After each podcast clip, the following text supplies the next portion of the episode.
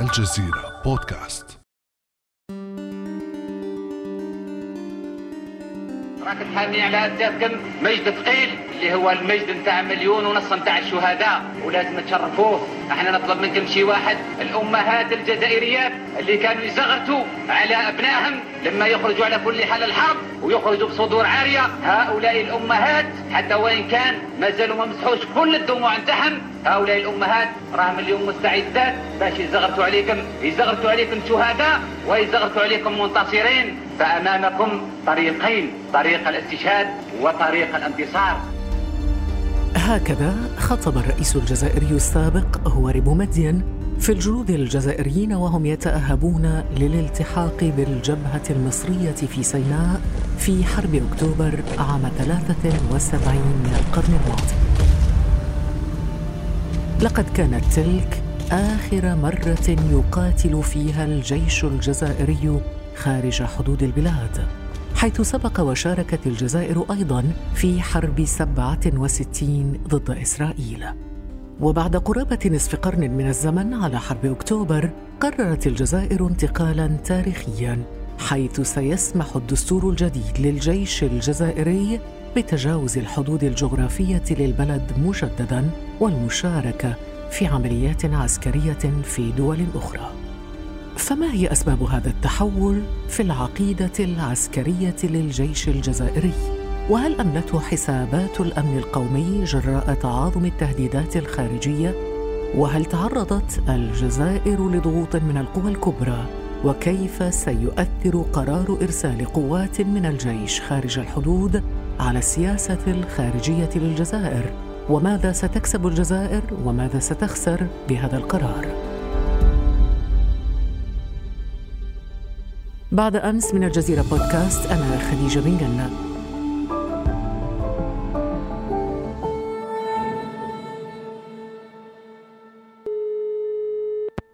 يسعدني أن يكون معي في هذه الحلقة من الجزائر الدكتور محمد لمين مستاك أستاذ العلوم السياسية والعلاقات الدولية بالجزائر. أهلا وسهلا بك دكتور. أهلا وسهلا وشكرا على الاستضافة. دكتور محمد لمين مستاك دعنا نبدأ من البداية كما يقال. ماذا نعني بالعقيدة العسكرية حتى لا يذهب بنا الخيال إلى مسائل أخرى قد تتعلق بالدين؟ هي بداية الأخت خديجة لي بعض التحفظات فيما يخص مصطلح التدخل إذ هذا المصطلح مرتبط بالسيادة من الناحية القانونية وقد يوحي إلى البعد التوسعي. لذا يعني وظفت في وثيقة المشروع النهائي للدستور مصطلح إرسال ومشاركة للدلالة على احترام المواثيق الدولية وكذا سيادة الدول ودفاعا عن السلم والأمن.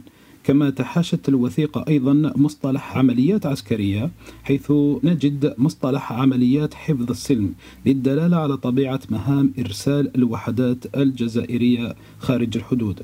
أما فيما يخص يعني العقيدة العسكرية فهي مجموعة من المبادئ والسلوكات الموجهة نحو الدفاع وحماية الدولة. وهي في عمومها نتاج العمق الفكري والحضاري تتوارثه الأجيال جيلا بعد جيل تستمد مبادئها من الإرث التاريخي والنضال للأمة. وهنا يجب يعني التفرقة بين العقيدة العسكرية والعقيدة القتالية. قلت أن العقيدة العسكرية هي مجموعة من المبادئ والسلوكات الموجهة نحو الدفاع وحماية الدولة. أما العقيدة القتالية فتتمثل في أساليب وتكتيكات تهدف إلى تدمير الخطر. طيب لو تحدثنا دكتور عن تاريخ العقيدة العسكرية للجيش الجزائري وعدنا قليلا إلى الوراء ونتساءل لماذا كانت مشاركة الجزائر في حربين متتاليتين ضد إسرائيل استثناء رغم أن الموقف الرسمي للجزائر منذ استقلال الجزائر عام 62 كان بعدم إرسال أي قوات إلى الخارج. لو عدنا لكيف تؤسس الجيش الشعبي الوطني هو لم يؤسس بمرسوم رئاسي كباقي الجيوش في العالم بل هو من أسس الدولة وفق يعني اتفاقية طرابلس سنة 1962 تشكل جيش الجمهورية الجزائرية الديمقراطية الشعبية من حوالي 50 ألف مجاهد وإطار متعلم يعني الجيش بدأ بخمسين ألف فرد؟ آه، خمسين ألف فرد بعد الاستقلال يعني كان آه، قلت لك أنه في اتفاقية طرابلس 150 ألف أكتف طيب نتساءل ما الذي أدى إلى يعني هذا التحول في هذه العقيدة العسكرية التي شرحتها قبل قليل؟ هل دكتور محمد لمين استفحال الأزمة في ليبيا تزايد التهديدات الأمنية جراء انتشار الجماعات الإرهابية في منطقة الساحل خصوصا في مالي كما تعلم؟ هل يمكن أن يفسر كل ذلك؟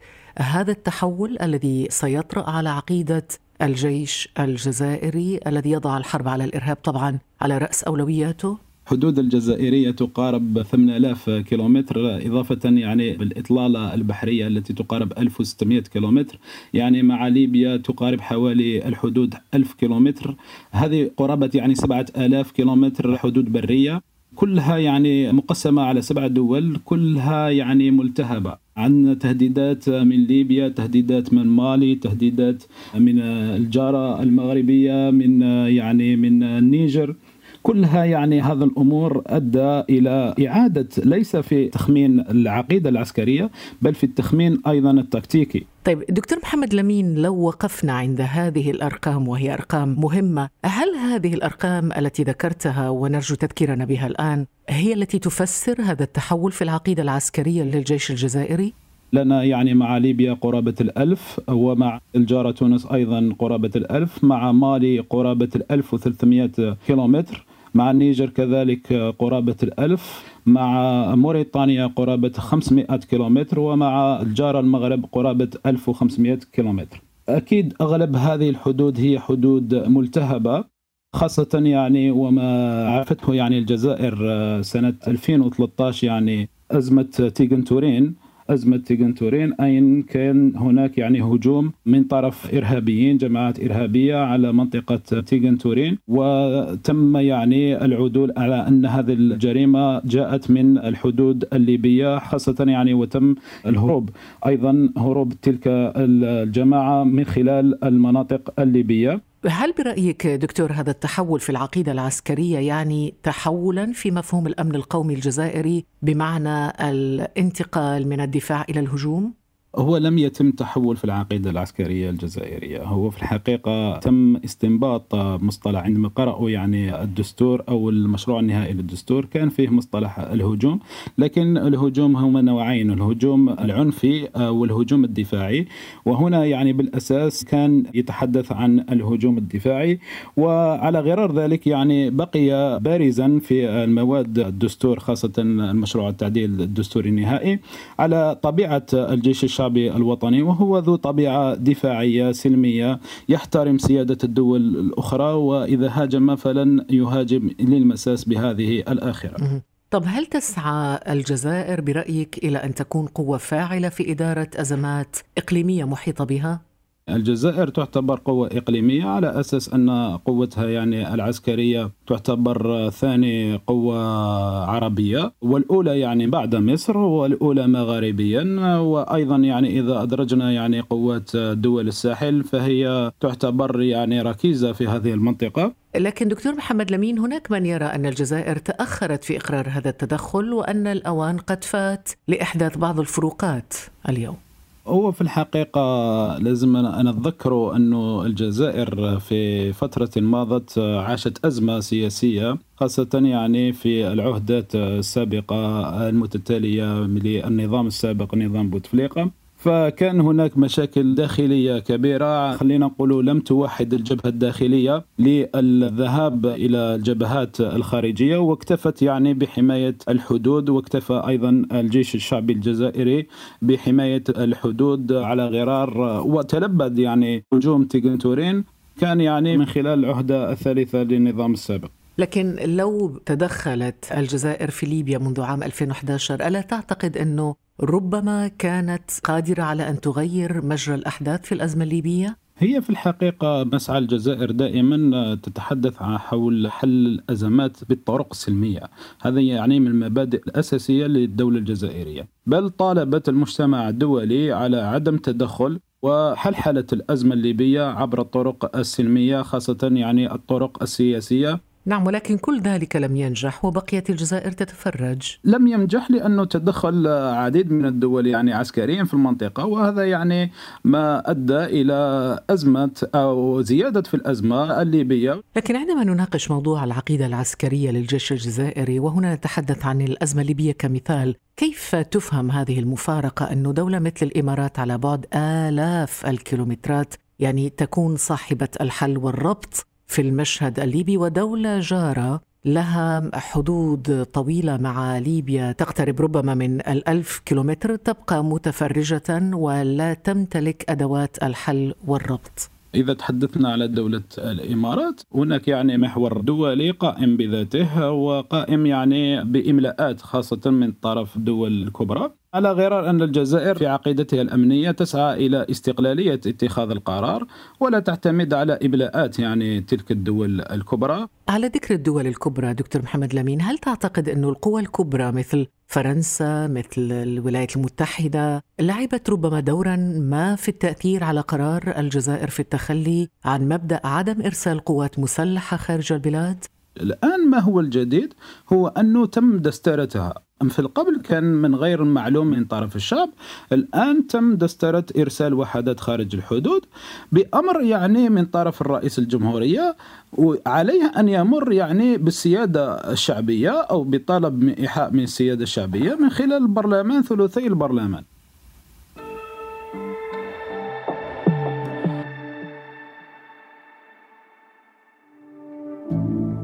اشترك في بعد أمس لتصلك الحلقات يوميا عبر تطبيق بودكاست. تواصل معنا عبر صفحات الجزيرة بودكاست على فيسبوك تويتر وإنستغرام.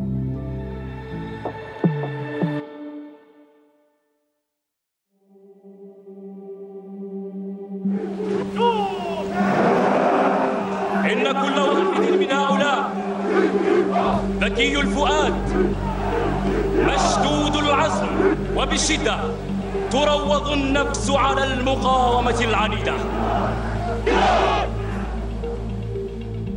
هذا جزء من استعراض عسكري للقوات الخاصة للجيش الجزائري في شهر آب أغسطس الماضي.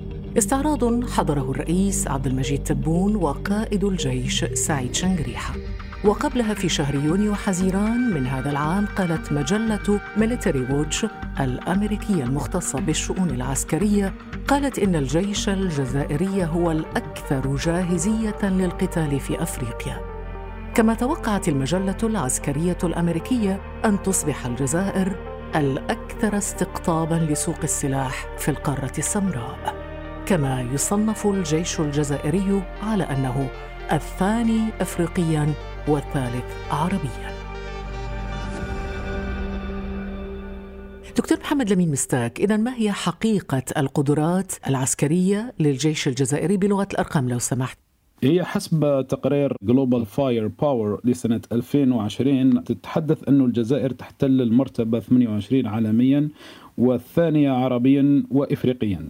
أما فيما يخص ميزانية الجيش فهي الأولى إفريقيا وذلك منذ 2005 وتحتل المرتبة 20 عالميا ب 13 مليار دولار سنويا. عدد الأفراد الجاهزين للالتحاق بالجيش يفوق 20 مليون و700 ألف فرد. إذا مقارنة يعني بأجوار خاصة يعني النيجر والمالي فمالي لها قدرة 10 ألاف فرد والنيجر قرابة 5 ألاف فرد فقط. تحوز الجزائر إلى أكثر من 880 دبابة و7361 عربية مدرعة بإضافة إلى 551 طائرة حربية و257 50 مروحية وست غواصات. طيب أنت قلت أنه الجزائر تنفق سنويا 13 مليار دولار على شراء السلاح. تسليح الجزائر يتم عادة من الأسواق الروسية السوفيتية سابقا وبدرجة أقل من الصين وغيرها. هل يؤثر هذا التحول على وجهة الجزائر؟ وربما تبدأ في الاعتماد أكثر فأكثر على شركات السلاح الغربية الأمريكية الفرنسية ربما؟ الجيش الجزائري ولا مرة اشترى من فرنسا ولا مرة يعني اشترى سلاح من فرنسا. بل آه، هناك أقام يعني في المدة الأخيرة علاقات شراكة مع دولة أخرى وهي ألمانيا.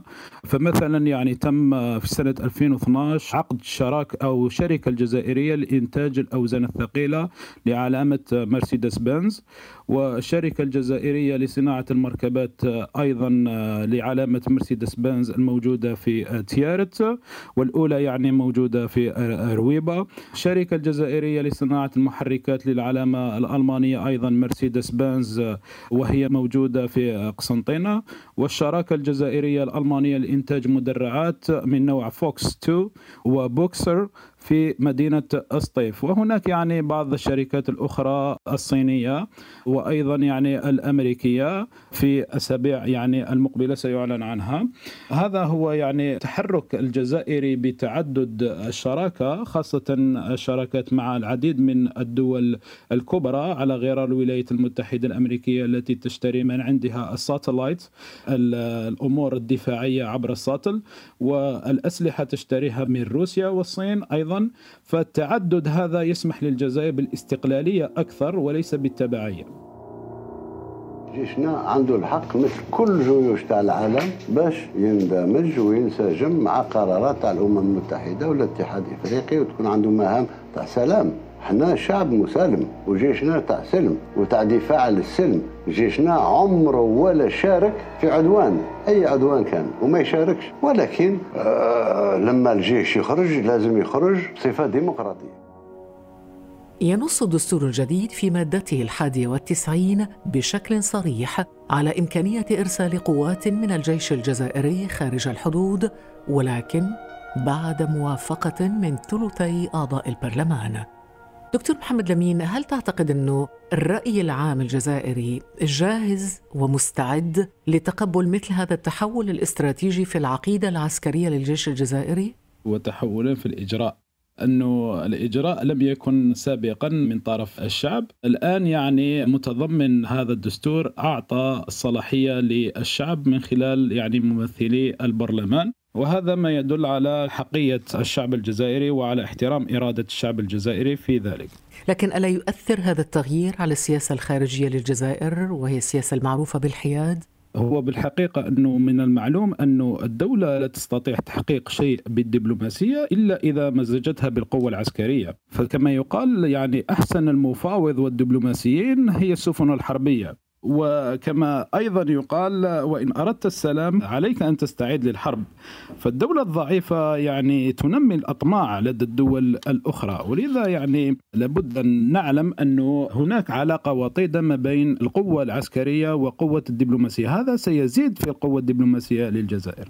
دكتور محمد لمين كيف سيكون برأيك شكل إرسال قوات مسلحة إلى الخارج؟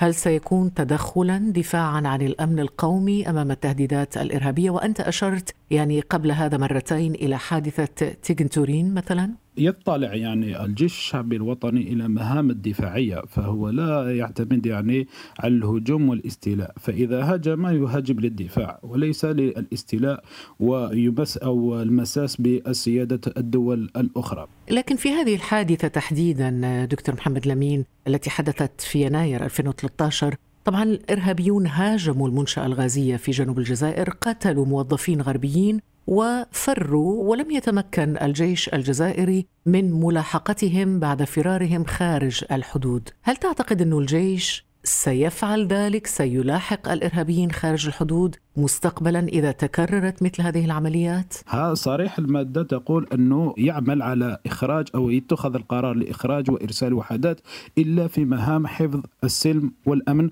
في إطار الأمم المتحدة وفي إطار أيضا اتفاقيات الدولية وفي إطار احترام سيادة الدول الأخرى.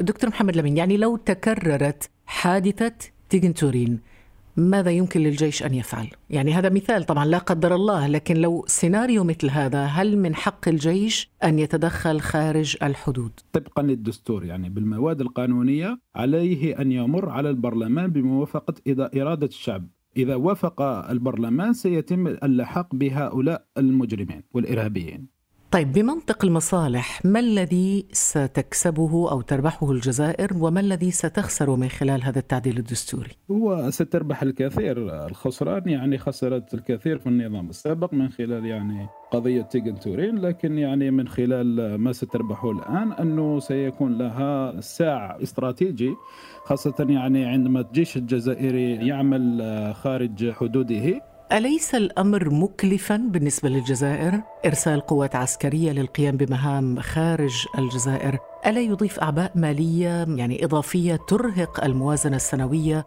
طبعا أنت عارف أن البلاد يعني تشكو من تراجع في المداخيل وتزايد في الأعباء المالية الآن؟ ستكون التكاليف يعني مشتركة من خلال أعضاء تلك الدول شكرا جزيلا لك دكتور محمد الأمين مستاك أستاذ العلوم السياسية والعلاقات الدولية بالجزائر. ألف شكر لك دكتور.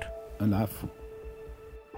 يمكنكم الاستماع للمزيد من الحلقات الشيقة من الجزيرة بودكاست عبر مختلف تطبيقات بودكاست. كان هذا بعد أمس.